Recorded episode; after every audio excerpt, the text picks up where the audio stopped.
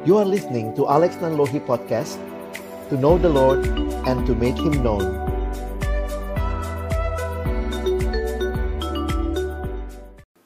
Mari berdoa sebelum kita membaca merenungkan firman-Nya. Tuhan terima kasih banyak kesempatan ini kau berikan kepada kami untuk sama-sama diperlengkapi sekali lagi. Kalau sebentar kami akan membuka firman-Mu, bukalah juga hati kami, Jadikanlah hati kami seperti tanah yang baik, supaya ketika benih firman-Mu ditaburkan boleh sungguh-sungguh berakar, bertumbuh, dan juga berbuah nyata di dalam kehidupan kami. Berkati hambamu yang menyampaikan, semua kami yang mendengar, Tuhan tolonglah kami, agar kami bukan hanya jadi pendengar-pendengar firman yang setia, tapi mampukan dengan kuasa, dengan pertolongan dari rohmu yang kudus, kami dimampukan menjadi pelaku-pelaku firman-Mu di dalam hidup kami, di dalam masa muda kami. Bersabdalah ya Tuhan, kami anak-anakmu sedia mendengarnya dalam satu nama yang kudus, nama yang berkuasa, nama Tuhan kami Yesus Kristus. Kami menyerahkan pemberitaan firman-Mu. Amin. Shalom, selamat malam teman-teman sekalian. Selamat Natal, selamat tahun baru buat kita semua. Senang hari ini bisa sama-sama belajar dan kesempatan ini Abang ingin juga boleh mengenal kalian paling tidak dalam kaitan tema malam hari ini ya. Kalau boleh tahu teman-teman dari asal gerejanya di gereja mana begitu ya. Karena kita kan sedang akan bicara oikumene, interdenominasi, boleh tolong diketik gitu ya. Silakan boleh kasih tahu kamu e, dari gereja apa begitu ya. Jadi kita bisa melihat, saling tahu satu sama lain ya. Silahkan di sini ada mungkin 15 orang. GKKI, Gereja Kemenangan Iman atau apa ini? Kalau kalau tim Timothy ini gereja apa? GKKI-nya? Oh, Gereja Kristen Kudus Indonesia, Gereja Tiberias, oke. Okay ada dari GKI Gunsa, GK G, Gereja Kristen Luther Indonesia, oke, okay. Joel GBI, Tiberias, Tiberias. Oke, okay, silakan. hmm, baik. Wah, ini beragam ya. Jadi kita dari berbagai latar belakang ada dari GBKP. Thank you ya. Tiberias cabang Surabaya. Baik. Nah, Teman-teman yang dikasihi dalam Tuhan Yesus Kristus, tema kita ini sebuah tema yang sebenarnya menarik sekali di dalam kita mempelajari khususnya juga nanti kalau kita memahami bahwa persekutuan di kampus itu namanya persekutuan oikumene, ya. PO begitu ya. nah, saya akan membahas nanti dalam uh, dua bagian tentunya ya berkaitan dengan um, oikumene, interdenominasi, tetapi juga nanti saya akan sedikit menyinggung tentang uh, bagaimana memahami gereja, ya. Nah, ini yang saya juga rindu nanti kita bisa pelajari sama-sama. Nanti di bagian akhir, Abang kasih kesempatan kita tanya jawab ya. Jadi silahkan kalau ada yang mau ditanya, ada hal-hal yang mungkin uh, kalian ingin tahu begitu ya. Apalagi kan nanti sebagai persiapan jadi pengurus, mesti tahu dong apa yang diurus begitu ya. Yang diurus ini kira-kira bentuknya seperti apa, modelnya seperti apa, sehingga kita nanti sama-sama bisa melihatnya dengan baik. Bagian firman Tuhan yang saya rindu mendasari perenungan kita di dalam Yohanes pasal 17. Kita akan melihat ayat 20 sampai ayat yang ke-23. Oke? Okay? Yohanes 17 ayat 20 sampai 23. Saya akan bacakan buat kita ayatnya ada di layar ya. Perhatikan ini bagian dari doa Tuhan Yesus. Kalau kalian perhatikan ketika Tuhan Yesus berdoa, maka dia mendoakan. Nah, salah satunya adalah ini. Dan bukan untuk mereka ini saja aku berdoa. Jadi sebenarnya di bagian doanya, kalau kalian perhatikan seluruh Yohanes 17, ada bagian doa untuk apa yang menjadi misi Yesus, Lalu Yesus mendoakan murid-muridnya, berarti para rasul pada waktu itu. Nah, ini adalah doa buat gereja. Kenapa saya katakan gereja? Karena ini adalah doa yang Tuhan Yesus sampaikan kepada Bapa untuk orang-orang yang akan percaya kepada pemberitaan para rasul. Ya. Jadi makanya perhatikan kalimatnya. Dan bukan untuk mereka ini saja, maksudnya bukan hanya untuk para rasul aku berdoa kata Yesus, tetapi juga untuk orang-orang yang percaya kepadaku oleh pemberitaan mereka, oleh pemberitaan para rasul. Ayat 21. Supaya mereka semua menjadi satu, sama seperti engkau ya Bapa di dalam aku, dan aku di dalam engkau, agar mereka juga di dalam kita.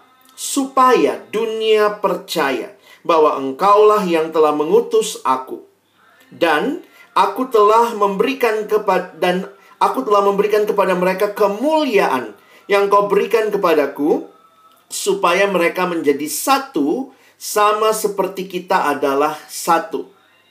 Aku di dalam mereka dan engkau di dalam aku supaya mereka sempurna menjadi satu agar dunia tahu bahwa engkau yang telah mengutus aku dan bahwa engkau mengasihi mereka sama seperti engkau mengasihi aku. Nah, teman-teman kira-kira kalau kita lihat sekilas inti dalam doa ini ada di dalam kata satu. Ya. Tuhan merindukan. Yesus merindukan bahwa umatnya, gerejanya menjadi satu. Nah, semangat inilah yang kemudian kita boleh perhatikan bahwa di dalam gereja bahwa ini bukan kali pertama Tuhan merindukan hal seperti ini.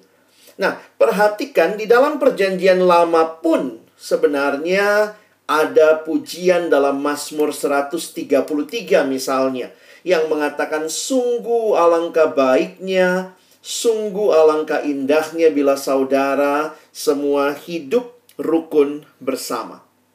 Mungkin kita sering nyanyikan lagu ini ya.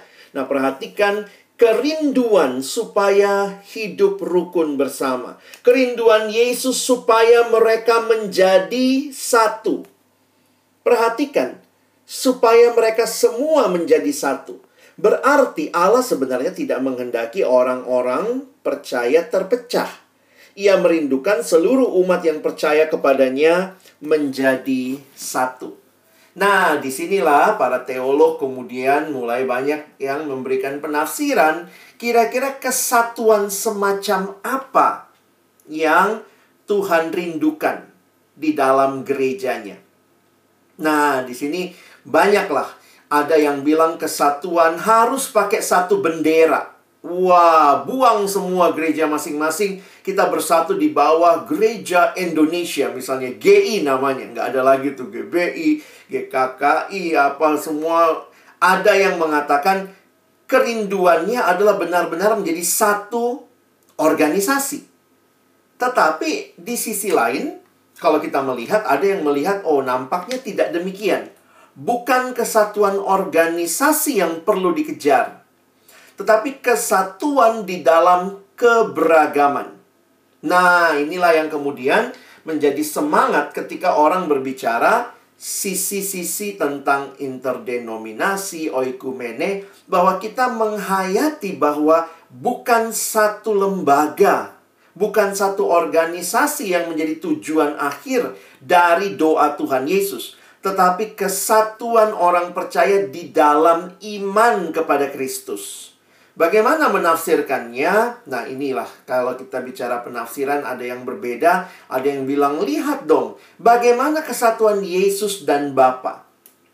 Bukankah Yesus berkata, "Sama seperti engkau ya Bapa di dalam aku, aku di dalam engkau." Jadi kalimat itu mau menunjukkan apakah kesatuan Yesus dengan Bapa kesatuan fisik? Oh, tidak. Mereka bukan kesatuan fisik, tetapi kesatuan rohani. Nah, itu jadi pertanyaannya. Apakah Yesus berdoa supaya menjadi satu? Ini kesatuan rohani atau ini kesatuan fisik? Nah, di situ sampai hari ini ya banyak yang saling uh, melihat. Ada yang bilang, enggak ini rohani. Buktinya Yesus dan Bapa juga kan kesatuannya rohani. Ada yang bilang, jangan lupa, perhatikan kalimat supaya dunia percaya. Berarti harus ada fisiknya yang kelihatan supaya dunia percaya. Nah, saya adanya di dalam pemahaman ya pasti dua-duanya tentunya. Tetapi saya tidak menghayati bahwa ini adalah sebuah kesatuan organisasi gereja. Ya, tetap bagi saya kesatuan yang dimaksud adalah kesatuan rohani yang mewujud nyata dalam kebersamaan orang percaya. Seperti yang dikatakan, sungguh alangkah baiknya, sungguh alangkah indahnya bila saudara semua hidup rukun bersama. Jadi sebenarnya teman-teman ya, karena abang ini latar belakangnya saya sekolah teologi bidang misi. Saya ambil S2 bidang misiologi.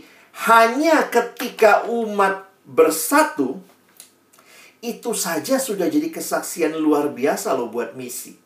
Perhatikan kalimatnya kan. Supaya mereka menjadi satu agar dunia percaya. Perhatikan itu ya. Supaya dunia percaya. Jadi waktu saya memperhatikan itu menarik sekali ya. Bagaimana Alkitab uh, Tuhan Yesus mendoakan hal ini. Ya mungkin Tuhan Yesus sudah tahu kali ya. Kita ini bakal pecah-pecah, sibuk sama dirinya masing-masing. Maka doanya dia adalah doa demi kesatuan umatnya. Nah, di dalam realita umat Allah ada berbagai perbedaan lagi. Nah, saya coba masuk dan ini real ya, kita mengalaminya. Bagaimana menghayati gereja yang satu itu? Mau tidak mau, kita mengenal istilah-istilah seperti ini. Ada yang mengatakan church, atau yang sebenarnya dimaksud dengan church itu adalah local church. Kalau kamu dari GKI, GBI, Tiberias, nah itu local church ya. Itu gereja lokal. Nah, gereja lokal itu gereja yang melakukan semua bagian dalam kehidupan orang percaya, termasuk melaksanakan sakramen. Misalnya sakramen ada dua kalau yang protestan biasanya kita mengakui baptisan kudus dan perjamuan kudus. Kalau katolik kan ada tujuh sakramen. Kalau gereja-gereja protestan umumnya cuma dua ya, baptisan dan juga tentang uh, perjamuan kudus. Nah, di dalam gereja itu dilakukan. Nah, tetapi para church kata para sendiri berarti pendamping, di samping.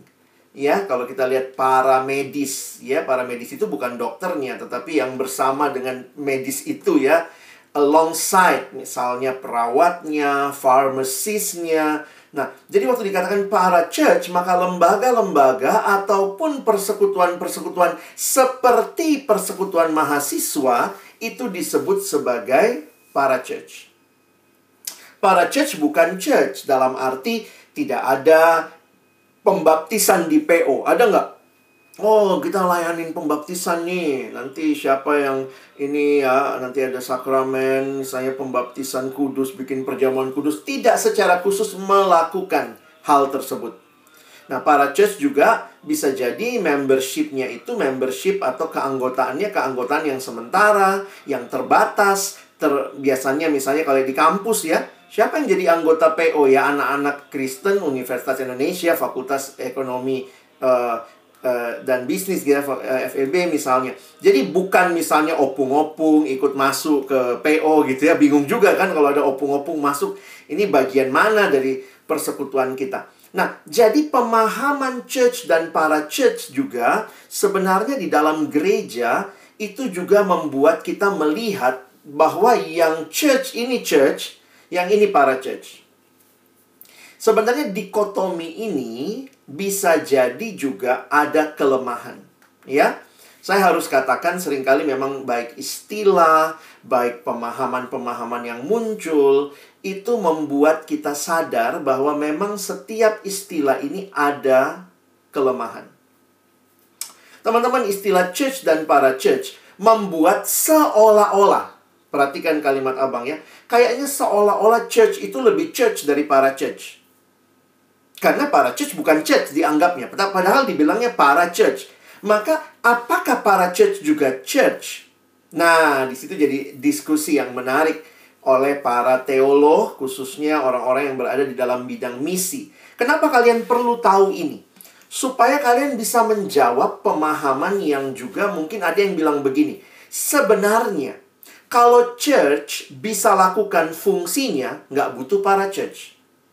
Dengar ya, ada pandangan yang begitu. Sebenarnya kalau church bisa lakukan fungsinya, maka nggak perlu ada para church. Tetapi setelah saya pelajari, ternyata kalimat itu tidak ada dasar yang cukup kuat. Kalimat itu hanya menunjukkan seolah-olah church lah segala-galanya, lalu para church ini jadi seperti tidak ada gunanya. Kalau sudah ada church, ya udah nggak usah ada para church. Nah, di sini kita jadi melihat seolah-olah yang saya bilang tadi, church lebih church dari para church. Nah, karena itu ya, sekarang coba kita lihat ya. Saya membah me, apa ya, uh, karena abang kuliahnya misi, jadi ada satu buku yang saya pakai. Nah, ini buku tebal sekali ya, dua jilid namanya Perspektif. Jadi ini salah satu buku pegangan misi kalau kita belajar misi. Nah, seorang yang bernama Ralph Winter, jadi ini sebenarnya buku ini kumpulan tulisan-tulisan yang menggali tentang misi begitu ya. Nah, Bapak Ralph Winter, salah satu penulis dalam artikel ini, dia menulis sekitar 8 halaman begitu ya. Dia mencoba memberikan pemahaman bahwa sebenarnya pembagian church dan para church itu agak misleading dia mau katakan begini, sebenarnya dua-duanya church. Begitu ya. Jadi kita yang PO ini jangan merasa kurang gereja daripada yang gereja. Walaupun memang kita nggak melakukan sakramen, nggak ada keanggotaan kayak gereja, nggak ada pendetanya. Tetapi dia mau menunjukkan bahwa church dan para church sejak awal itu ada berdampingan. Nah ini menarik sebenarnya. Jadi kemudian dia tidak suka dengan istilah atau sorry dia tidak memakai ya istilah church para church.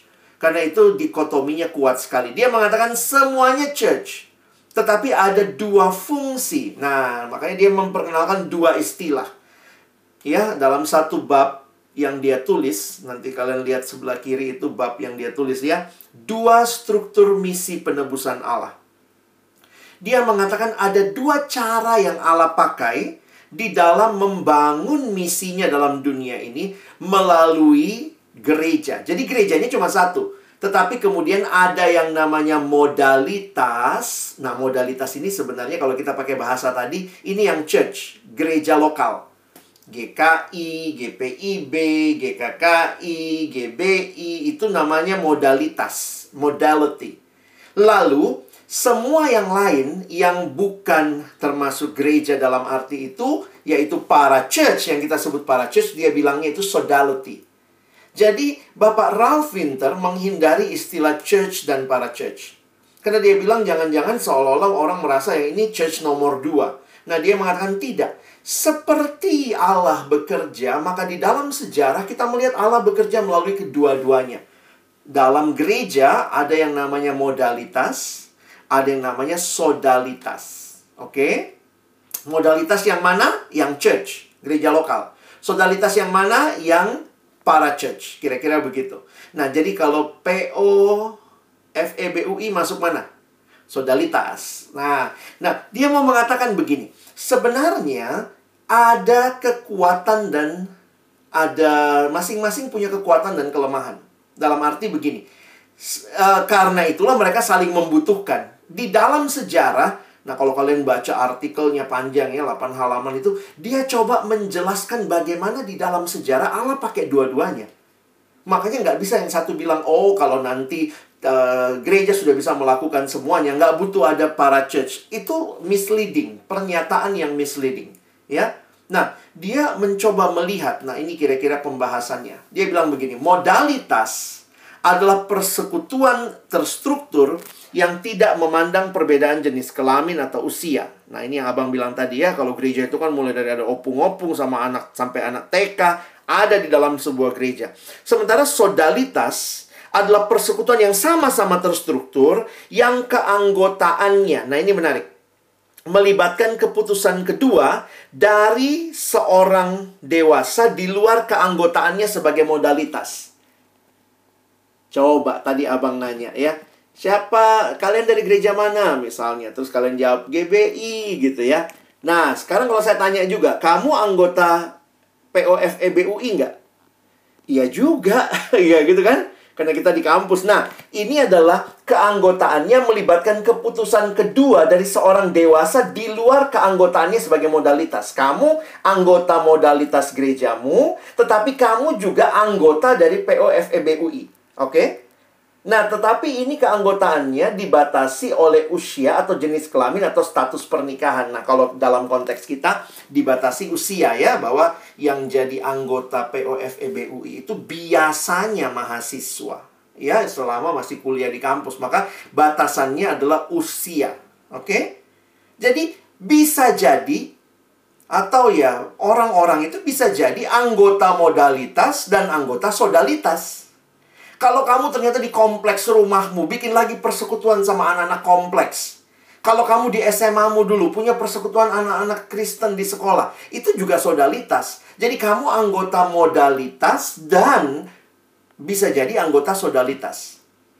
Nah, jadi menarik sekali bagaimana dia mau coba melihat dan dia coba lihat dari sejarah ya. Nah, ini kesimpulannya kira-kira dia bilang begini. Dalam tulisan ini kami mencoba menyelidiki beberapa pola historis yang menjelaskan bahwa Tuhan melalui roh kudusnya dengan jelas dan konsisten telah menggunakan struktur dan terkadang sebagai ganti struktur modalitas. Karena memang orang suka bilang yang utama tuh yang church, yang local church. Nah, dia mencoba melihat dalam sejarah, dia bilang, enggak. Jangan pikir Tuhan cuman pakai church. Tuhan juga pakai para church. Tuhan tidak hanya pakai modalitas. Kadang-kadang Tuhan pakai uh, sodalitas, sodality.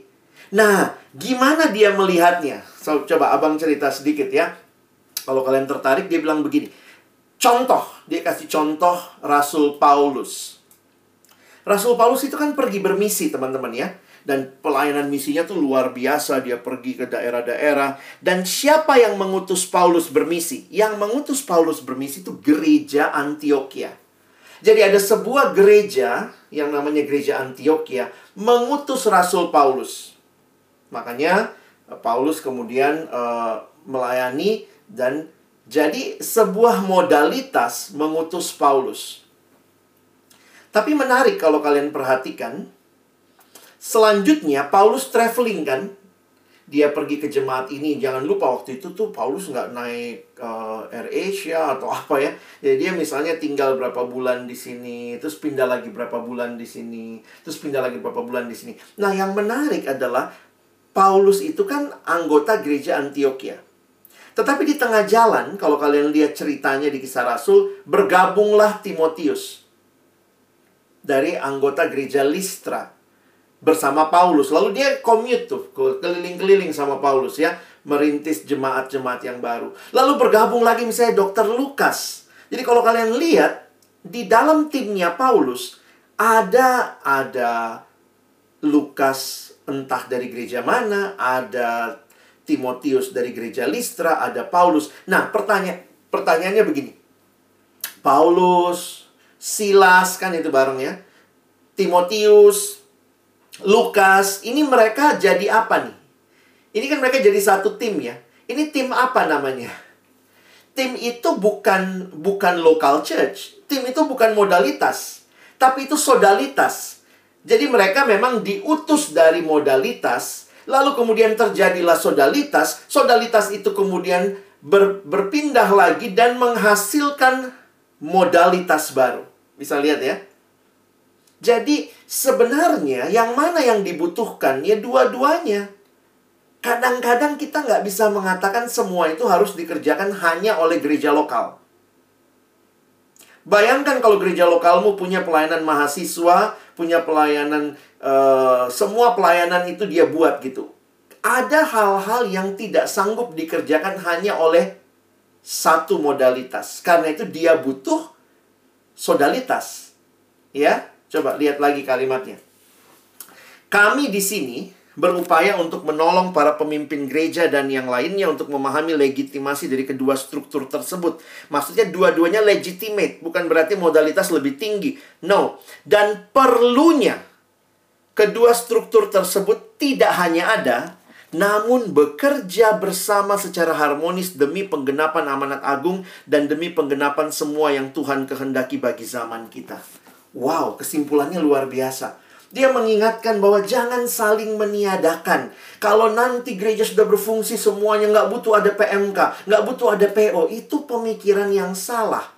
Justru, mari melihat ketika ada di kampus, ada di gereja, mari bekerja sama secara harmonis. Nah, ini memang masih jadi PR ya. Karena banyak persekutuan kampus dicurigai oleh gereja. Kamu kan anggota modalitas ya. Tiba-tiba diminta jadi pengurus di kampus. Nah, itu kalau gerejamu nggak ngerti, langsung bilang, wah ini PO ini nyuri-nyuri domba gitu ya. Padahal kita tahu ya bahwa teman-teman selagi kamu ada di kampus, salah satu tempat yang baik yang Tuhan sediakan untuk melayani adalah di kampus. Kamu bisa jadi pengurus berapa lama di PO? Ini yang lagi bergumul nih. Mau jadi pengurus berapa lama sih di PO? Ya elah, kamu kuliah paling 3-4 tahun. Kamu akan jadi pengurus seumur hidup. Enggak. Kalau kamu mau yang seumur hidup masuk ke modalitas, kamu bisa jadi pengurus di gereja dari umur 0 sampai kamu nanti opung-opung. Tetapi selama ada di kampus, kamu cuma ada di waktu 2-3 tahun. Karena itu saya pikir gini ya, buat teman-teman yang lagi bergumul, jadi pengurus di gereja atau di kampus, buat saya begini, kalau dalam beban yang Tuhan kasih sekarang di kampus, kamu memberi diri satu tahun jadi pengurus ya tinggalkan gereja sebentar mungkin di sana kamu tetap datang tapi nggak nggak ambil pelayanan begitu ya. Kecuali kamu punya kemampuan dan kapasitas bisa juga dua dua duanya tapi kan kadang-kadang saya mau fokus ke satu pelayanan saya pikir nggak ada ruginya karena kamu cuma jadi pengurus satu tahun atau dua tahun. Setelah itu kamu pasti balik ke gereja. Nggak ada nggak akan jadi pengurus selamanya di PO emang PO-nya ini gereja? Bukan kan tahun depan ganti lagi gitu ya, pengurus berganti. Jadi sebenarnya kalau gereja melihat pola ini, wow, itu bukan hal yang harus saling dipertentangkan. Nah, ternyata dalam sejarah, nah ini saya juga baru tahu ya, Martin Luther ternyata yang suka merasa ya, Martin Luther merasa semua itu harus modalitas yang lakukan. Jadi itu juga salah satu kesedihan reformasi karena pemahaman Luther waktu itu seharusnya semua itu di bawah modalitas. Jadi nggak boleh tuh yang kecil-kecil begitu ya. Nah, tapi perhatikan kesimpulan Ralph Winter ya, menyoroti sikap Luther yang menganggap modalitas terlalu tinggi. Dia mengatakan begini. Nah, ini. Kegagalan memanfaatkan kekuatan sodalitas membuat kaum protestan tidak memiliki mekanisme misi selama hampir 300 tahun. Nah, ini ya kalau kita lihat ya dari sisi tertentu Uh, karena menganggap itu harus dilakukan oleh semuanya oleh modalitas, oleh local church. Nah, abang kasih tahu begini ya. Mungkin kalian nanya dari tadi ngomongnya local church gitu. Emangnya apa sih yang termasuk uh, para church? Kenapa Tuhan hadirkan para church? Karena tidak semua hal bisa dikerjakan hanya oleh satu modalitas, hanya oleh satu para church, eh satu church, satu local church. Contoh, Lembaga Alkitab Indonesia, LAI, itu para church. Ada nggak gereja punya penerbitan Alkitab? Terlalu kaya kali ya kalau gereja itu sampai punya penerbitan Alkitab. Karena itu ada lembaga seperti itu yang tidak di bawah satu gereja, tetapi bergabung dari berbagai gereja memperkaya untuk akhirnya jemaat boleh dapat Alkitab. Dan siapa yang dapat menikmati Alkitab? Ya semua local church. Tapi kalau misalnya ya lembaga Alkitab itu di bawah GBI misalnya, itu rasanya gereja terlalu terlalu arogan kalau mengatakan semua harus di bawah gereja. Bisa nangkep ya? Termasuk apa lagi? Oh banyak, ada pelayanan anak jalanan, ada pelayanan misi apa. Jadi sebenarnya ketika modalitas mendukung sodalitas-sodalitas yang terbentuk, tidak menganggapnya saingan dan lawan, ini menjadi bagian yang memperkaya misi umat Allah. Di kampus, apakah gereja perlu masuk kampus? Kalau gereja masuk kampus, teman-teman, logika saja. Ada yang bilang, tapi di luar negeri bisa tuh gereja masuk kampus. Di luar negeri itu mayoritas. Kadang-kadang kalau di Indonesia, saya pikir justru pemahaman seperti ini lebih baik. Cukup yang ada di kampus tuh PO. PO itu apa? Rumah semua denominasi. Bayangkan kalau misalnya HKBP masuk kampus, GBKP masuk kampus, GKKI masuk kampus, lalu kemudian melakukan persekutuan satu hari Jumat, mau pinjem berapa ruangan? Orang yang cuma dikit terus terpecah-pecah. Nah, jadi kadang-kadang saya melihat, wah ini semangat kita beda sama semangat Tuhan Yesus ya. Dia berdoa supaya menjadi satu. Nah jadi sebenarnya ketika gereja merasa bisa melakukan semuanya, realitanya nggak bisa juga. Dan demikian juga para church nggak boleh sombong. PO nggak boleh sombong merasa dirinya segala-galanya. Kekuatan yang kita miliki mendorong orang untuk balik ke gereja lokal. Karena itu selama di PO kita nggak narik orang pindah gereja. Kalau itu yang terjadi nggak benar PO kita. PO itu mendorong orang, menguatkan dia. Siapa yang akan menikmati? Siapa yang akan menuai anak-anak PO yang dibina dengan baik gereja. Ya, kadang-kadang abang suka mikir kalau gereja tuh ya bagusnya tuh gereja dukung kita ya. Wah, persembahan gereja dikasih lah untuk dukung acara PO gitu ya. Karena pada akhirnya kan yang menikmati memang adalah gereja juga begitu. Nah, jadi memang ini dua hal yang menarik ya antara church dan para church. Tapi kesimpulan saya begini, bahwa setiap bagian Tuhan hadirkan pasti ada tujuannya bukan saling meniadakan, tetapi justru saling menguatkan. Makanya kalau lihat di kampus, ya sudah dibina di kampus, dia balik ke gerejanya. Wah, luar biasa di sana dia jadi berkat. Kita bersyukur kan seperti itu ya. Jadi ketika di PO ada uh, ada persekutuan seperti ini, ada kelompok kecil, kita membina orang selama dia di kampus, perlu ada pengurus karena itu kalian diajak ayo mau nggak ngurusin PO ini yang bentuknya oikumene ini supaya nanti akhirnya gereja-gereja yang akan diberkati. Jadi saya melihat sih tujuannya nggak jauh dari seperti itu ya karena tujuannya supaya Tuhan dimuliakan, umat juga boleh mendapat berkat. Nah, jadi itu masalah yang tadi ya, perbedaan antara church dan para church.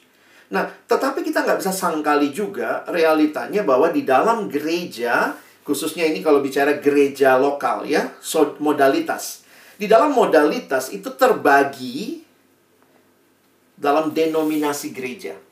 Nah, di sinilah juga ada challenge. Jadi tadi church dan para church challenge juga. Yang kedua ini challenge perbedaan denominasi. Kenapa muncul perbedaan denominasi? Alkitabnya kan sama, tapi memang realitanya yang kita bisa perhatikan adalah menafsirkan Alkitab dari perspektif yang berbeda, dari budaya yang berbeda, bisa jadi membuat juga ada beberapa perbedaan-perbedaan. Nah, di sinilah saya pikir gereja sudah ribuan tahun kita sebenarnya melihat hal ini terjadi. Nah, coba abang tolong kalian untuk melihat ya, ini biar nggak salah label. Anak PO harus ngerti memberi nama. Jadi sebenarnya gereja itu terbagi dua.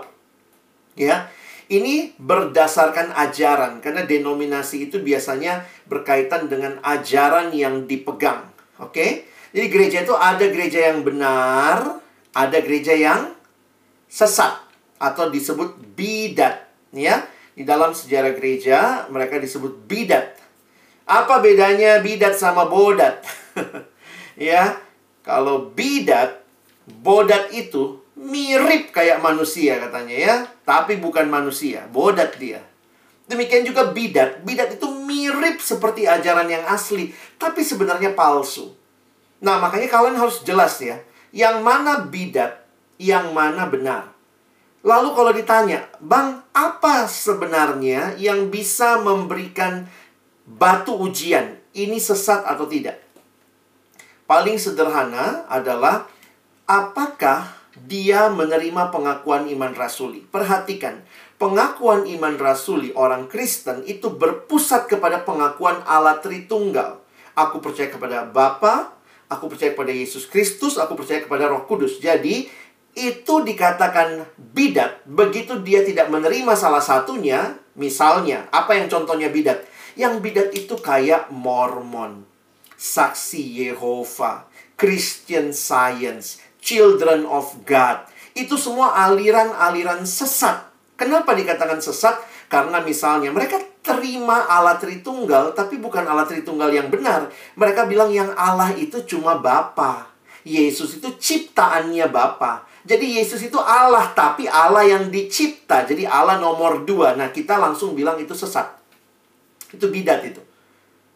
Jadi, gereja-gereja yang memegang pengakuan iman rasuli. Ini bukan masalah mengucapkan ya. Ada gereja kan yang nggak mengucapkan hari Minggu. Tapi dia pegang pengakuan kepada Allah Bapa, Anak, dan Roh Kudus. Nah, itu gereja yang berada pada arus yang benar. Sementara yang misalnya dia bilang Roh Kudus itu bukan pribadi, cuma kuasa, cuman cuman sebuah daya dorong. Nah, itu udah sesat. Karena dalam pengakuan iman kita, Roh Kudus adalah pribadi Allah, bukan sekadar kuasa. Roh Kudus tidak digunakan istilah it, bukan benda, tetapi dipakai istilah he misalnya ya, pakai kata ganti pronoun he orang seperti itu ya. Nah, jadi teman-teman, penghayatan kita begitu dia tidak terima pengakuan iman rasuli, udah bidat dia. Ya. Nah, lalu bagaimana? Kok gerejaku sama gereja dia beda, Bang? Gereja ini, wih, kayaknya sana begini. Nah, di antara gereja yang benar ini terbagi dua lagi. Satu yang sehat, satu yang kurang sehat. Lalu ba ba bagaimana bedainnya? Sebenarnya sederhananya itulah gereja ya.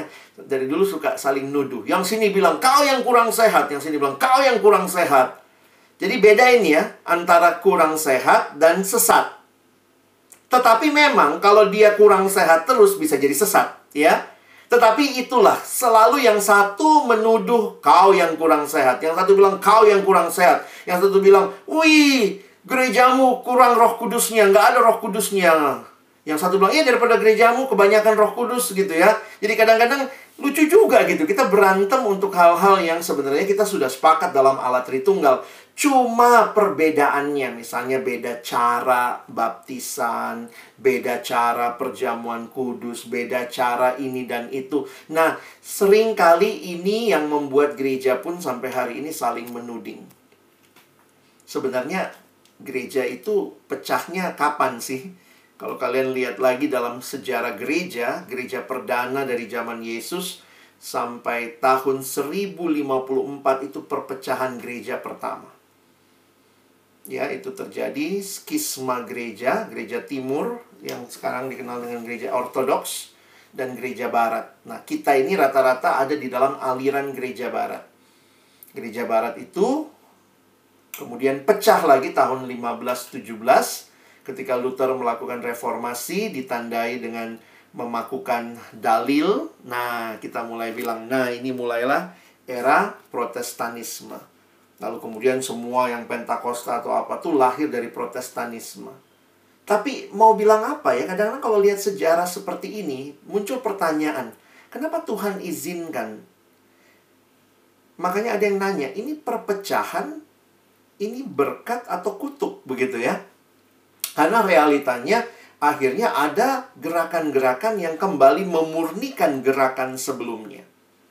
Nah, nanti dari yang protestan, lihat lagi ya, lihat yang protestannya, wah, muncul lagi banyak. 1517, ah, Lutheran, Anabaptis, Anglikan, Presbyterian, Reform, seterusnya ya nanti dari metodis atau reform itu muncul uh, Pentakosta ya kemudian ya di tahun-tahun selanjutnya karena Pentakosta baru mulai 1901. Jadi teman-teman saya mau memberitahukan kepada kita bahwa realitanya kamu tuh anggota salah satu modalitas ini apa pun denominasinya. Sementara sodalitas kita di PO, kita nggak punya denominasi khusus. PO itu bukanlah cabangnya HKBP, PO itu bukannya cabangnya GKI, PO itu bukan cabangnya Reform. Jadi bagaimana menghayati ini? Ya. Saya pikir beberapa nasihat ini sebenarnya menolong ya begini. Perbedaan-perbedaan doktrin tidak terelakkan. Kalau kamu bilang, wah tapi kita mesti bereskan ini bang. Ya itu udah, udah dua ribuan tahun deh gitu ya. Jadi mungkin poin kita bukan bukan mendebatkannya, lebih baik saling memahami. Seringkali perbedaan doktrin dalam hal-hal sekunder adalah hal yang tidak bisa diabaikan. Misalnya yang satu merasa harus begini tata ibadahnya, yang satu merasa harus begini. Belum lagi pemerintahan gereja. Ada yang pakai paus, ada yang pakai eporus, ada yang pakai ketua sinode. Mana yang alkitabiah? Nah, itu kadang-kadang walaupun itu sebenarnya sekunder ya. Tapi ya itu realitanya kita nggak bisa bilang eh, nggak bisa mengabaikan hal itu. Nah, tapi yang menarik yang ketiga ya, perbedaan tersebut bisa membawa manfaat. Orang Kristen bisa dikuatkan dengan give and take untuk mendiskusikan, mendoakan, merenungkan hal-hal yang tidak mereka sepakati. Nggak apa-apa juga. Emangnya semua harus sama seperti kita? Karena dalam beberapa hal yang harus sama itu kan yang tadi ya, pengakuan akan Allah Tritunggal. Itu pengakuannya. Tetapi memang di Alkitab tidak ada aturan khusus misalnya. Kepala gereja itu harus paus misalnya. Karena kalau Katolik bilangnya harus paus kan turunnya dari paus. Paus itu dari mana? Dari Petrus turun ke atas dari ke bawah. Lalu kemudian pakai lagi pola nggak boleh menikah. Padahal Petrus menikah di atas sana begitu. Jadi ini hal-hal yang ya memang beda ya sudah diterima saja gitu ya tidak ada yang lebih alkitabiah atau lebih benar satu dengan yang lain karena ada hal-hal yang alkitab diam ya jadi alkitab di alkitab ada ada contoh sinode ada kalau kalian lihat di Alkitab, ada contoh gerejanya dipimpin Eporus, ada. Jadi itu ada beberapa contoh. Jadi nggak bisa bilang cuma ada satu-satunya contoh. Nah, ini beberapa hal aja ya. Tidak ada satu struktur organisasi tunggal yang bisa mewakili gereja Kristus. Kesatuan didasarkan pada Injil yang sama, diekspresikan melalui kerjasama antar berbagai denominasi yang berbeda. Dan perbedaan denominasi ya, saya makin belajar menghayatinya ini bukanlah perpecahan. Tapi sebenarnya ini adalah kekayaan. Harusnya kita melihatnya seperti itu. Toh realitanya, Tuhan pun Tritunggal dia bukan cuma satu Allah, satu pribadi. Dia satu Allah, tiga pribadi. Di mana Bapa berbeda sama anak, anak berbeda sama roh kudus. Jadi bukan berarti Allah kita satu dalam arti dia seragam. Melalui konsep Allah Tritunggal, kita belajar unity is not uniformity.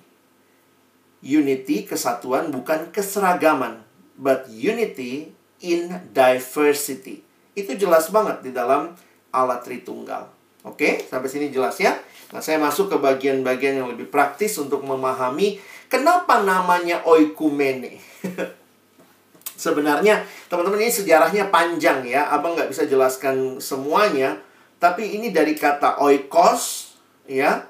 Nomos atau oikos itu kan rumah tangga ya. Kayak belajar ekonomi. ya, jadi kalau perhatikan sebenarnya oikumene itu Ya, ini lihat ya. Kata oikumene muncul dimotori oleh persekutuan gereja-gereja di Indonesia. Ini kalau khusus di Indonesia ya. Suatu istilah untuk mengungkapkan terbentuknya kesatuan gereja-gereja dari berbagai denominasi. Jadi istilah ini sangat indah ya. Kata oikumene ini kemudian menjadi populer di beberapa tempat untuk mengungkapkan hal yang senada. Misalnya di beberapa kampus kemudian muncul PO, Persekutuan Oikumene untuk menjelaskan, menegaskan bahwa persekutuan mahasiswa itu tidak memandang mahasiswa dari denominasi mana pun untuk dilayani. Lalu kenapa sekarang ada istilah lain yang muncul? Nah, ini sebenarnya ada sejarahnya. Apa ya kayak kayak istilah mengalami penurunan makna. Pernah gitu ya kalau kita belajar bahasa Indonesia ya. Dulu itu no problem, makanya perhatikan.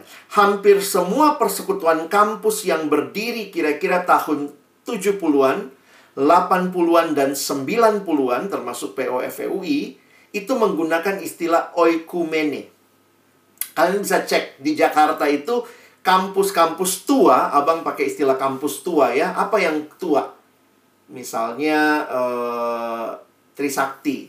Nah, Trisakti juga nama persekutuannya Potri. Persekutuan Oikumene Universitas Trisakti. Anak-anak Untar apa nama persekutuannya? Namanya POUT. Persekutuan Oikumene Universitas Tarumanegara. Jadi persekutuan yang terbentuk sekitar tahun 70-an, 80-an, 90-an itu biasa pakai nama PO. Makanya UI semua pakai nama PO. Binus muncul tahun 80-an itu juga pakai nama PO Binus. Semua pakai nama PO. Nah, tetapi di kemudian hari nampaknya khususnya mulai tahun 90-an kata oikumene dianggap kurang tepat. Ya, misalnya ya, ada yang tidak setuju dengan kata oikumene. Karena kata ini dulu katanya dipakai oleh orang-orang liberal. Juga karena adanya anggapan bahwa adanya berbagai denominasi itu bukan perpecahan, sehingga tidak perlu dipersatukan. semangat oikumene yang kesannya mempersatukan, menyeragamkan itu yang ditolak oleh orang-orang yang mengusung istilah baru, maka kalangan ini kemudian memakai kata interdenominasi untuk mengungkapkan kerjasama berbagai denominasi. Nah, kalau abang pikir sih ya sudah lah ya, maksudnya ya nama PO dari dulu kita pakai, tapi kita ngerti lah ya, mau mau semangatnya itu bukan semangat keseragaman, ya. Kita nggak usah dipersatukan dalam arti nanti semua pakai logo yang sama, nggak demikian. Nah, karena itu istilah yang akrab di kalian adalah istilah interdenominasi. Bagaimana menghayati istilah ini dalam pelayanan mahasiswa? Nah, kalau kalian jadi pengurus kan nanti mulai kita pikirin visinya, dari visi itu lahirlah misinya, lalu misinya itu lahirlah strateginya. Maka semua pelayanan sebenarnya melakukan ini ya. Dari visi, lahir misi, lahir strategi. Kalau strategi itu sudah program ya. Nah, sebenarnya di dalam memahami ini dari visi pelayanan mahasiswa, nanti kemudian ada misi, kita mengenal misi yang namanya 4P ya. Penginjilan, lalu pembinaan, pelipat gandaan, dan pengutusan. Inilah siklus yang kita lakukan ketika mahasiswa baru masuk. Dia diinjili, dia dibina, dia dilipat gandakan. Yang kita lakukan malam ini pelipat gandaan. Karena kalian yang sudah dibina, disiapkan untuk melayani. Nah itulah pelipat gandaan dan kemudian diutus untuk kemudian melakukan lagi penginjilan kepada mahasiswa baru. Itu muter terus tuh. Nah, pelayanan di kampus karena waktunya terbatas maka muncul keunikannya. Kalian mesti ngerti ya. Di kampus ini kan kalian nggak selamanya di kampus. Pelayanan mahasiswa tuh kayak halte, bukan terminal. Gereja tuh terminal, kita tuh cuma halte. Jadi orang cuma lewat di kita kira-kira 3-4 tahun lah maksimal. Nah, maka pelayanan kita ada keunikannya, teman-teman. Ya. Maka keunikan pelayanan mahasiswa adalah semangat dan kegiatan yang menjadi ciri dan kekuatan pelayanan mahasiswa. Misalnya, kenapa di PO nggak terlalu banyak acara olahraga kayak di gereja ya persekutuan pemudanya ada olahraga, ada core, ada apa. Di PO itu kita fokus kepada apa? Kelompok kecil itu acara utamanya cuma itu. P, PJ pembinaan kelompok kecil. Fokusnya ke situ. Karena apa? Kita unik. Kita nggak bisa melakukan semua hal. Waktunya sangat terbatas. Makanya dalam keterbatasan itu, kita menemukan kalau orang cuma lewat di kita 2-3 tahun, kira-kira bagaimana keunikan pelayanan mahasiswa? Maka perhatikan, ada enam keunikan yang biasanya kita hayati. Bible movement, kita fokus ke Alkitab. Kita bukan singing movement ya, kita fokus sama nyanyi-nyanyi bukan ya. Prayer movement. Makanya acara PO banyakkan PD, PA, PJ-nya juga isinya belajar Alkitab. Lalu evangelism movement selalu terjadi anak baru di Injili. Lalu nanti discipleship movement ikut kelompok kecil. Lalu ada student movement dan interdenomination. Mungkin ada yang bilang, Bang, nomor 1 sampai 4 kan gereja juga lakukan. Bener sih. Saya melihat gereja juga lakukan. Makanya buat saya, yang paling membedakan sebenarnya nomor 5 dan 6. Coba lihat. Saya coba buat dalam gambar kira-kira seperti ini. Yang tengah, jadi sebenarnya semua itu berakar dari Bible and Prayer. Lalu muncul evangelism, discipleship, nanti mungkin beberapa kampus ada yang mission gitu ya. Tetapi semangatnya, nah lihat itu, student movement dan interdenominasi melakukan Bible movement, prayer movement dalam semangat student movement berarti yang lakukan siapa? Mahasiswa. Dan interdenominasi. Apa maksudnya pelayanan kita punya keunikan interdenominasi? Kita merindukan hadirnya mahasiswa yang menyadari dan menghargai keberagaman yang ada dalam PO, dalam tubuh Kristus, dan menjaga memperjuangkan kesatuan dalam PO. Jadi yang kita perjuangkan bukan gini, kita bikin PO jadi HKBP ya. Pokoknya kita kita batakkan PO. Oh, HKBP lah PO. Nggak begitu, bukan itu semangat kita. Semangat kita adalah bukan meninggikan latar belakang tertentu, tapi kita mau membangun kesatuan di dalam Kristus. Oke? Okay? Nah, karena itu kalian pengurus harus punya kerinduan ini. Karena kan kalian yang bakal ngurusin PO. Tiba-tiba ada mahasiswa baru. Kak, saya mau uh, pentakostain ini semua PO. Langsung kamu sebagai pengurus D, sabar. Bukan itu semangat kita. Misalnya gitu ya. Ada yang datang, Kak, saya mau reformkan semua PO ini. Kamu mesti datang sebagai pengurus. Maaf, D, bukan itu semangat kita. Semangat kita adalah dari berbagai denominasi. POFEB ini rumahnya. Bayangkan kalau tiba-tiba POFEB jadi rumahnya HKBP misalnya ya, atau rumahnya GPIB. Maka orang dari gereja lain akan ngapain gue ke situ? Itu bukan gereja gue. Makanya PO tetap harus interdenominasi. Nah, kira-kira begitu ya. Jadi, pelayanan interdenominasi pelayanan mahasiswa dan interdenominasi ini dikatakan tujuan pelayanan mahasiswa itu spesifik. Karena kita hanya melayani pada waktu dia ada di kampus dan temporer dan terbatas. Jadi di sinilah kita juga mungkin harus menghayati ya, jangan lupa bahwa kita hadir untuk mendukung gereja lokal. Oke? Nah, karena itu interdenominasi dalam PO, bagaimana memperjuangkannya ya? Ini semangat untuk menjalin kesatuan di antara orang percaya yang berbeda denominasi. PO yang interdenominasi tidak menganut suatu doktrin yang sepenuhnya milik satu aliran gereja. Namun PO tidak berarti tidak punya doktrin sama sekali. Kalau begitu bagaimana kita bicara? Lalu kalau di PO apa yang kita ajarkan? Nah, kita kembali melihatnya ini. Persekutuan mahasiswa Kristen, PO, secara mendasar mengikuti doktrin yang pada umumnya dianut oleh gereja-gereja yang percaya pada kebenaran Alkitab. Jadi sebenarnya ini semangat kita. Kalau kita beda, ih di gerejaku begini loh, di gerejamu begitu ya. Ayo kita sama-sama lihat apa kata Alkitab. Nah itu cara belajar yang baik. Jadi interdenominasi kita back to the Bible.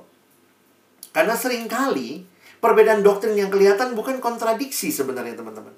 Tapi sebenarnya adalah saling melengkapi. Kayak orang mendaki gunung, satu lihat sisi kanan, satu lihat sisi kiri. Anggaplah mereka pakai HP ya, lalu sambil naik gunung saling teleponan. Ih bagus banget lautnya. Apa laut? Di sini mah nggak ada laut, itu mah sawah. Enggak laut, sawah laut berantem begitu ya. Nggak ada sawah. Lu lihat nih, nggak ada ini, nggak ada laut.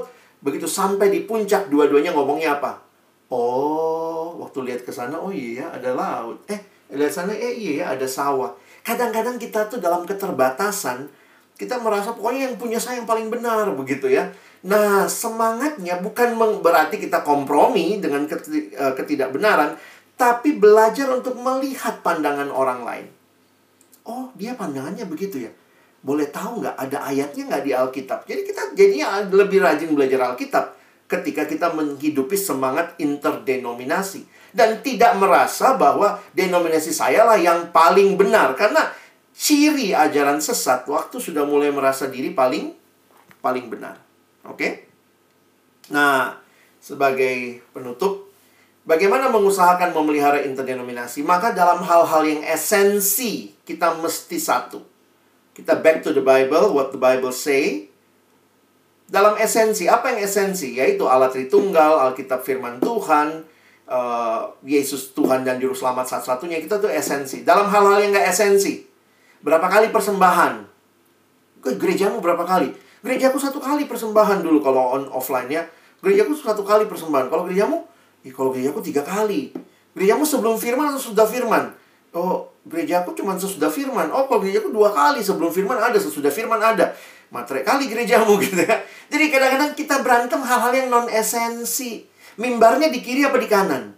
Ya ampun. Maka dalam hal yang non esensi di kampus ya liberty bebas aja silahkan mau sana mau sini karena ini bukan hal yang prinsip. Tapi kalau udah Yesus Tuhan dan Juru Selamat, kalau kau beda, maaf kau bukan saudara dan saudariku karena kita menghayati dalam kesatuan yang esensi itu harus unity. Dan dalam segala hal tunjukkanlah kasih, itulah charity. Oh gitu ya cara memuji Tuhan. Ih kau pakai tepuk tangan ya.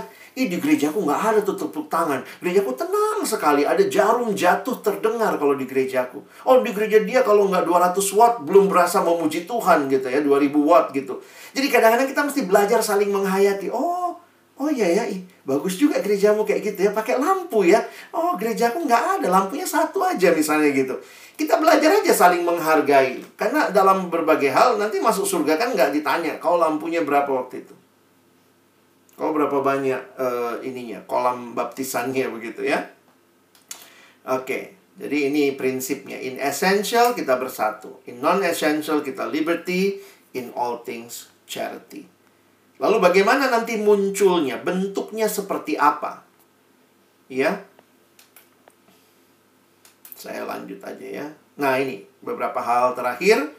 PO bukan gereja sehingga tidak bisa melakukan aktivitas gereja. PO perpanjangan tangan gereja. Karena itu jangan sampai terjadi gerakan pindah gereja dan tidak menganggap ibadah rutin PO dapat menggantikan ibadah gereja setiap minggu. Kenapa kau nggak gereja kata mama papa? Oh enggak, saya udah ikut PO kemarin PJ. Ada persembahan juga, ada firman juga. Enggak. Ingat kita tidak menggantikan gereja lokal. Nah karakteristik interdenominasi ini munculnya di mana? Nah ini mesti muncul di sini ya di kampus pemilihan tema PJ. Kalau kalian jadi pengurus jangan bahas pentingnya baptisan percik gitu ya. Itu pembahasan yang denominasi. Kita mesti bicara mungkin temanya lebih umum, pentingnya baptisan. Lalu mungkin pembicaranya diundang ngasih tahu oh ada baptisan yang dipercik, ada yang diselam, ada yang dibaptis masih anak-anak, ada yang dibaptis sudah dewasa. Jadi makanya karakteristik interdenominasi itu muncul dalam pemilihan nyanyian, dalam pemilihan pembicara, pengumuman-pengumuman. Jadi kita juga jangan jadi mengumumkan acara gereja gitu ya. Jadi semua orang gereja titip acara. Tentu ada acara-acara yang baik. Tapi bukan berarti kemudian uh, kalau nanti kita bilang, ih gereja dia boleh, masa gereja gua enggak gitu ya. Nah kita menghindari hal-hal seperti itu. Oke. Okay. Kenapa sering kali di PO ini kita banyak mengundang alumni untuk khotbah? Karena biasanya alumni-alumni adalah orang-orang yang pernah ikut di PO. Pembicara yang pernah dibina di kampus, jadi lebih ngerti interdenominasi. Saya ingat sekali kejadian yang terjadi di POFE UI. Sorry ya, saya sebut kalian waktu itu masih namanya POFE UI. Karena kagum sama seorang pendeta dari sebuah gereja tertentu, diundanglah ke kampus. Firmannya bagus, tapi dia nggak peka terhadap keunikan pelayanan mahasiswa. Dari mimbar dia sesat-sesatin uh, uh, denominasi tertentu. Wah, habis itu terjadi beberapa orang keluar dari PO karena merasa PO tidak apa ya, tidak menghargai mereka. Cuman gara-gara salah undang pembicara, pembicaranya bagus. Dia kalau kalau dia khotbah di gerejanya silahkan gitu ya. Tapi ini dia khotbah di PO yang interdenominasi. Dia jelek-jelekkan ada dua denominasi waktu itu dan dua-dua anaknya itu keluar dari PO karena mereka merasa kok PO begini jelek-jelekin gereja saya begitu. Nah, teman-teman makanya kenapa kalau di PO itu kita jarang mengundang orang gereja atau kalau kita mengundang hamba Tuhan gereja pastikan dia mengerti interdenominasi. Karena kalau tidak, mungkin khotbahnya bagus tapi nyinggung sana sini dan akhirnya tidak mempertimbangkan kesatuan, ya.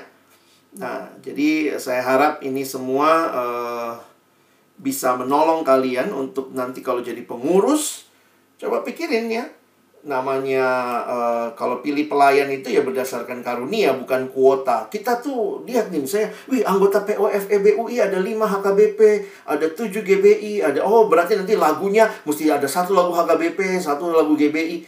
Kalau kayak begitu itu bukan berdasarkan pembagian yang baik, itu berdasarkan kuota berarti ya. Bukan begitu persekutuan kita. Kita sama-sama duduk menyepakati Nah, makanya penting pengurus-pengurus yang mengerti interdenominasi. Cari pembicara yang mengerti inter interdenominasi, ya. Sebagai kesimpulan, PO hadir di kampus sebagai wadah interdenominasi, oikumene bukan hanya untuk dirinya sendiri tapi untuk mendukung gereja Tuhan. Perhatikan. PO itu alat pemersatu jemaat gereja di kampus harus terus ditingkatkan. Dan keterlibatan di dalam dan melalui PO dapat memupuk semangat oikumene yang berguna untuk masa depan gereja. Kadang-kadang saya lihat gereja satu sama lain saling menghantam, saling sindir-sindiran. Tapi saya bersyukur di PO ternyata kita bisa duduk bareng, bisa sama-sama jadi pengurus. Jadi sebenarnya kalau ini terpupuk, ini masa depan gereja. Ini penggenapan doa Yesus. Ketika gereja gagal menggenapi apa yang Yesus doakan, saya pikir Tuhan bangkitkan PO-PO di mana ini adalah gambaran kesatuan yang terjadi dari berbagai latar belakang. Oke, abang berhenti sampai sini. Silakan kalau ada yang mau bertanya, baik melalui slide bisa, melalui langsung juga saya persilahkan. Thank you. Kalau ditanya soal pembicara, saya pikir kalian yang mestinya ya biasanya gitu ya. Uh, ketika diundang, lalu nanti dari situ kan kalian evaluasi biasanya. Kami kan kalian evaluasi biasanya. Nah, dari situ juga kalian akan ketahuan ya. Jadi saya pikir juga saya beberapa kali juga ngeliat kan loh, kenapa pembicara ini kalian nggak undang lagi? Terus tiba-tiba ada yang bilang, iya bang, waktu itu dia tahu-tahu ngomongnya begini-begini. Nah, jadi memang akhirnya saya lihat gini ya, um, tidak semua jemaat cukup dewasa untuk menerima perbedaan. Jadi kadang-kadang juga orang butuh waktu kan Nah, ada beberapa pembicara mungkin yang dia sampaikan benar dalam arti kalau orang semua dalam pemahaman seperti dia. Jadi, kalau ditanya bagaimana tahunya, ya kalian mesti kenal. Berani rekomendasi ya berani ini. Karena begitu dia ngomongnya sembarangan atau dia tidak memahami interdenom, kadang-kadang kasihan jemaat. Makanya pengurus itu sebenarnya harusnya jadi orang yang kayak uh, ya coba cari latar belakangnya, gali, cari tahu atau begini. Beberapa pembicara dari gereja yang saya lihat kalau kita undang mungkin kita kasih topik yang memang dia kuasai. Jadi dan dan dalam surat sebaiknya kalian men menuliskan dengan cukup jelas, mohon memperhatikan uh, ini adalah persekutuan interdenominasi. Mungkin begitu.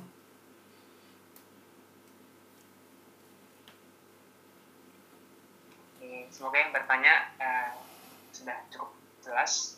Mungkin langsung pertanyaan kedua ya bang. Mm -hmm. uh, bang izin bertanya banyak orang yang melakukan puasa untuk mencapai sebuah tujuan. Nah sebenarnya apa itu bisa dibenarkan atau bagaimana ya bang? Wah ini juga sebenarnya gini ya semua uh, semua pemahaman tertentu yang biasanya di gereja tertentu dilakukan di gereja lain nggak dilakukan. Nah ini perlu kita kaji. Memang puasa di dalam Alkitab itu ada banyak macam. Jadi saya juga harus katakan bahwa uh, kita perlu memahami ya. Tapi uh, saya nggak tahu apa tujuan pertanyaannya secara khusus. Tapi saya cuma ingin mengatakan ya coba pelajari ya. Kalau ada orang yang beda sama kamu jangan langsung wah sesat gitu tanya. Apalagi kalau masih masih sama-sama gereja yang sehat ya. Uh, lihat gitu apa tujuannya. Saya pikir kita kembangkan diskusi ketimbang penghakiman karena itu akan jauh lebih menolong orang terbuka untuk melihat. Misalnya dulu ada anak yang gitu ya. Saya kan banyak layannya anak SMA. Iya bang, ini mau puasa nih biar lulus. Saya bilang, oh bagus tuh kalau kamu puasa biar lulus. Tapi bukan itu satu-satunya. Lalu nggak belajar. Terus doa puasa, berharap uh, pengawasnya buta, begitu. Itu mah. Jadi akhirnya saya tanya gitu, apa yang kamu minta? Jadi kan kalau orang berpuasa meminta sesuatu, ya pertanyaannya jangan-jangan seperti yang Yakobus bilang, Tuhan gak kasih yang kamu minta karena yang kamu minta, kamu minta untuk memuaskan hawa nafsumu. Jadi ya kadang-kadang kita harus menolong orang bukan cuma puasa mencapai tujuan, tetapi apa tujuannya dulu begitu. Jadi kembangkan ini ya. Soalnya ada juga gereja yang me, me, apa ya me, kayak cukup mendorong puasa, tapi kadang-kadang saya pikir hati-hati, jangan sampai seolah-olah kalau puasa itu lebih Tuhan dengar. Itu kan konsep yang nggak tepat juga. Kalau saya puasa kayaknya Tuhan tuh sampai kasihan. Ih kasihan dia udah lapar banget ya. Aduh udahlah kasih deh kasih deh. Padahal Alkitab nggak bilang seperti itu. Doa puasa sebenarnya itu terkait dengan pergumulan yang berat. Ketika papa saya kena cancer dan ketika waktu pengobatan dan memang agak lambat waktu itu kami doakan begitu ya Nah, waktu itu tuh saya jadi makanya dalam Alkitab juga doa dan puasa itu biasa beriringan. Waktu kamu berpuasa bukan cuma nahan makan, tapi beriringan. Karena apa? Jujur aja waktu punya pergumulan berat, makan pun nggak nafsu. Jadi itu kayak puasanya otomatis gitu. Nah, beberapa orang juga melakukan puasa sebagai reminder. Misalnya, saya biasanya makan jam 12 sampai jam 1. Waktu saya berpuasa, maka jam itu, jam 12 sampai jam 1, saya skip lunch.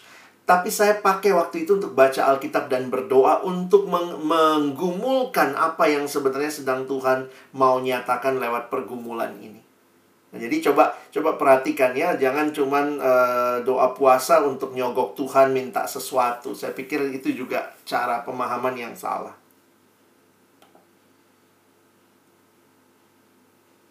Hmm. Saya lanjut ya. Bang, kadang ada banyak hal-hal pemacu diskusi yang cenderung sensitif dan tidak berujung. Seperti jenis baptisan dan CD dan tidak CD. Nah, ini memang uh, kalau tiba-tiba diskusi ini muncul berbuat apa coba masing-masing presentasikan gitu ya uh, saya waktu itu ingetnya begitu ya jadi gini saya sama adik kelompok kecil saya dulu beda doktrin lah karena latar belakang gereja kita beda Nah, waktu perbedaan itu awal-awalnya ya kita juga kan kayak merasa gini, saya udah besar sama doktrin itu, dia juga udah besar sama doktrin itu dan dia ternyata anak pendeta teman-teman ya. Jadi kayak saya ngajarin, bapaknya ngajarin dari dulu kayak apa, jadi kayak bentrokan begitu. Nah, ya, tapi Tuhan kasih hikmat waktu itu adalah kita diskusi. Jadi waktu itu saya bilang, coba bawa semua buku bapakmu tentang hal ini. Saya akan bawa semua buku yang saya punya tentang hal ini. Lalu kita sama-sama baca. Jadi bukannya bukannya karena kalau tidak berujung itu biasanya karena merasa saya lebih benar dari kamu. Nah, kalau kalian jadi pengurus, sebenarnya tolong untuk melihat, coba baca buku-buku dia. Oh, pantas dia memahaminya kayak begini. Oh, pantas dia memahaminya kayak begini. Contoh ya, uh, waktu masalah CD tidak CD gitu. Kenapa di CD? Sebenarnya apa sih tradisinya? Nah, kita, nah kadang-kadang gini ya, dalam pemahaman saya, kalau kalian belajar nanti tentang baptisan, baptisan itu nggak selamanya selam. Cek deh di Alkitab ya. Baptisan itu nggak selamanya selam. Beberapa kata baptiso dipakai di Alkitab memang di dalam banyak bagian itu seperti menenggelamkan. Tetapi tidak semuanya dipakai kata itu. Orang Yahudi itu punya kebiasaan membasuh sesuatu. Jadi ketika misalnya ya kan orang Yahudi kayak masuk rumah harus uh, ini ya seperti orang ambil wudhu begitu ya. Nah itu tuh seperti kebiasaan tradisi. Nah beberapa kali itu cuma dipercik nggak usah dibasahin semua juga nggak masalah. Nah, jadi kata yang dipakai tetap baptiso. Jadi kalau kita mau berantemin dari akar kata pun, ya bisa baptis dimasukin semua, ada Alkitabnya, bisa juga cuma dipercik-percik, itu juga. Nah, tapi pertanyaannya begini, apakah gereja memilih dipercik atau diselam itu berkaitan dengan kata saja? Enggak juga. Jadi gini, kita mesti memahami, jangan berantem hal-hal yang beda ternyata konteksnya. Jadi misalnya satu ngomong A, satu ngomong B, lalu masing-masing berantem padahal nggak titik temunya nggak ada. Saya ketemunya gini waktu itu ya. Um, ternyata gereja Protestan membaptiskan anak kecil dalam kaitan dengan uh, anugerah. Lihat ya jadi baptisan buat gereja protestan itu lebih menjadi simbol anugerah. Sementara baptisan bagi gereja pentakosta yang diselam semua, itu baptisan mengkaitkan dengan pertobatan hidup. Perlambangannya beda. Perlambangannya aja beda. Yang satu mengambil perlambangan mati dan bangkit bersama Kristus. Makanya dimasukin semua, lalu bangkit bersama Kristus. Oke, nah ini perlambangan baptisannya aja beda. Gereja Protestan membaptiskan dengan memercik misalnya atau diambil kalau kalian lihat beberapa pendeta itu melambangkan Roh Kudus turun, airnya diambil ditaruh dari atas ke bawah. Jadi yang satu melambangkan Roh Kudus turun, yang satu melambangkan hidup lama dan hidup baru. Ini perlambangannya beda. Yang mana yang lebih sah baptisannya? Makanya waktu kita gali Alkitab, sahnya baptisan itu bukan karena banyaknya air. Bukan karena perlambangannya semata-mata, karena perlambangannya bisa macam-macam. Tetapi sahnya baptisan itu karena dalam nama Bapa, Anak, dan Roh Kudus. Makanya gereja protestan sebenarnya agak marah sama Pentakosta yang suruh ulang tuh baptisan lu, nggak sah. Yang bikin baptisan sah apakah banyaknya air? Enggak. Nah, Pentakosta pakai ayat. Dia bilangnya bisa begini. Pentakosta bilang, ingat loh. Kalimat Yesus, pergi, jadikan semua bangsa murid, baru baptis. Jadi jangan baptis anak kecil, dia belum murid, harus pergi jadi murid, baru dibaptis. Jadi pemahamannya harusnya karena gereja Pentakosta melihatnya itu sequel ya. Pergi jadikanlah semua bangsa muridku dan baptislah mereka. Nah gereja Protestan mengambilnya perlambangannya beda. Misalnya, ya coba perhatikan. Di dalam perjanjian lama, anak umur 8 hari kayak Yesus sudah disunat. Dia ngerti apa? Jadi bukan pengertian yang membuat dia disunat. Tetapi orang tuanya yang membawa dia sebagai bentuk ketaatan bahwa perjanjian Allah berlaku juga buat anak saya. Nah, kayak begitu kan? Yang satu bilangnya harus ngerti dulu baru dibaptis. Yang satu dibaptis sebagai tanda bahwa dia dimasukkan dalam perjanjian ilahi seperti sunat di perjanjian lama. Di sunatnya umur 8 hari kok. Jadi kalau kalian berantemin yang satu ngomong A, satu ngomong B, nggak bakal ketemu titik temunya.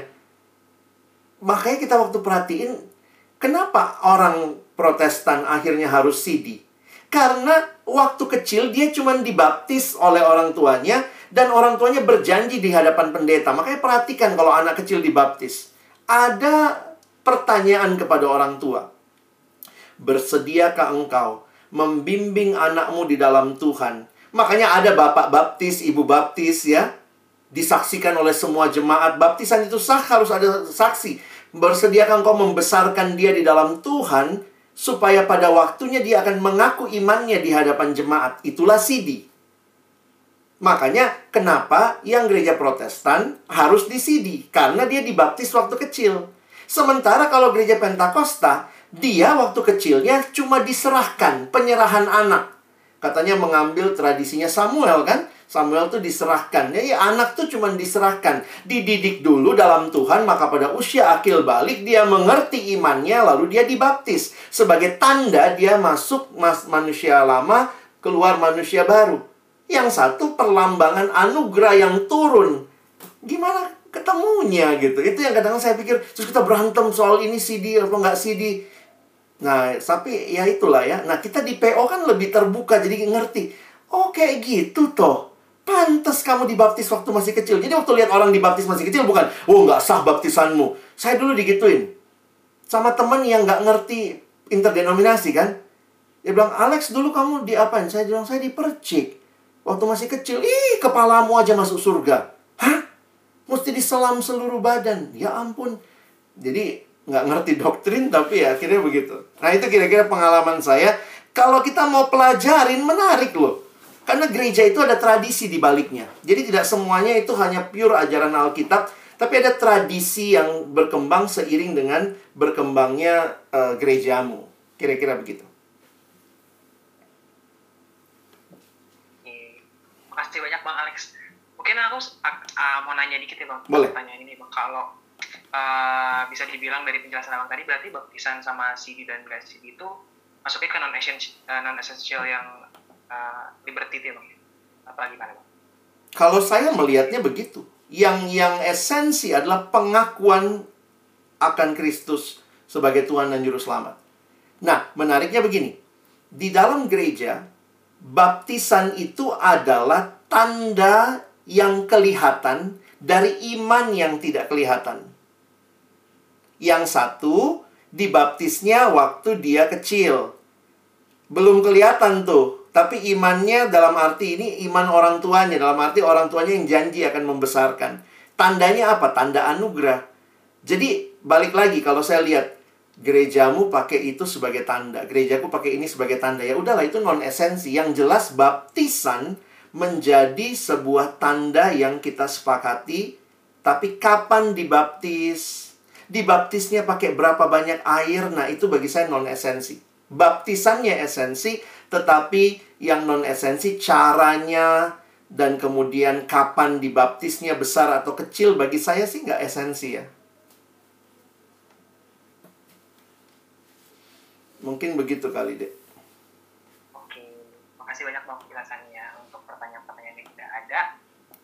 ada yang mau nanya lagi mungkin kita tunggu satu menit lagi kali ya pak ya kalau masih ada silakan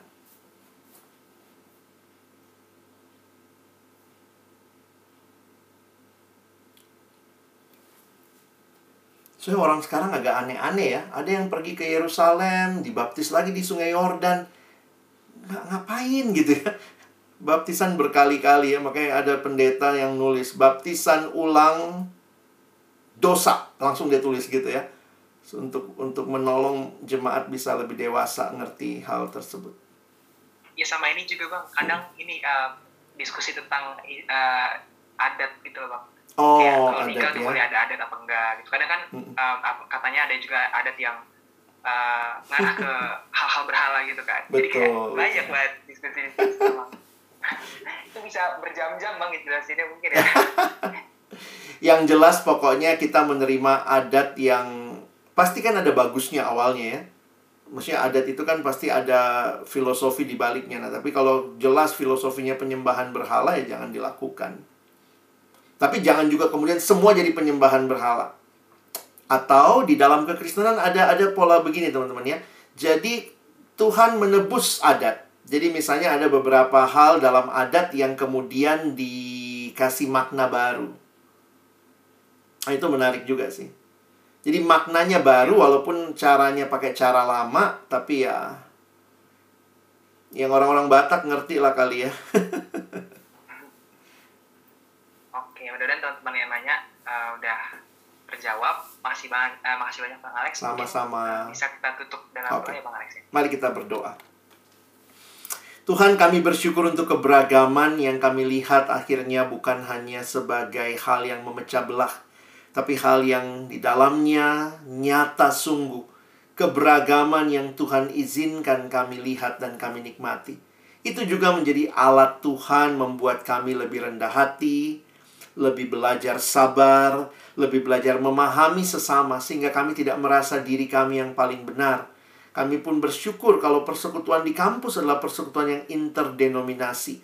Kiranya waktu kami jadi pengurus, kami bisa menjaga semangat ini, menghidupinya sehingga lebih banyak orang lagi yang menikmati Tuhan, berjumpa dengan Tuhan melalui POFEBUI ini. Sekali lagi bersyukur untuk semua teman-teman yang masih bergumul, Tuhan mantapkan, Tuhan kuatkan. Yang sudah mantap, Tuhan makin teguhkan. Kami bersyukur untuk tim regenerasi yang menyiapkan semua ini bagi kami. Kami menutup pembinaan kami dalam nama Yesus kami berdoa. Amin.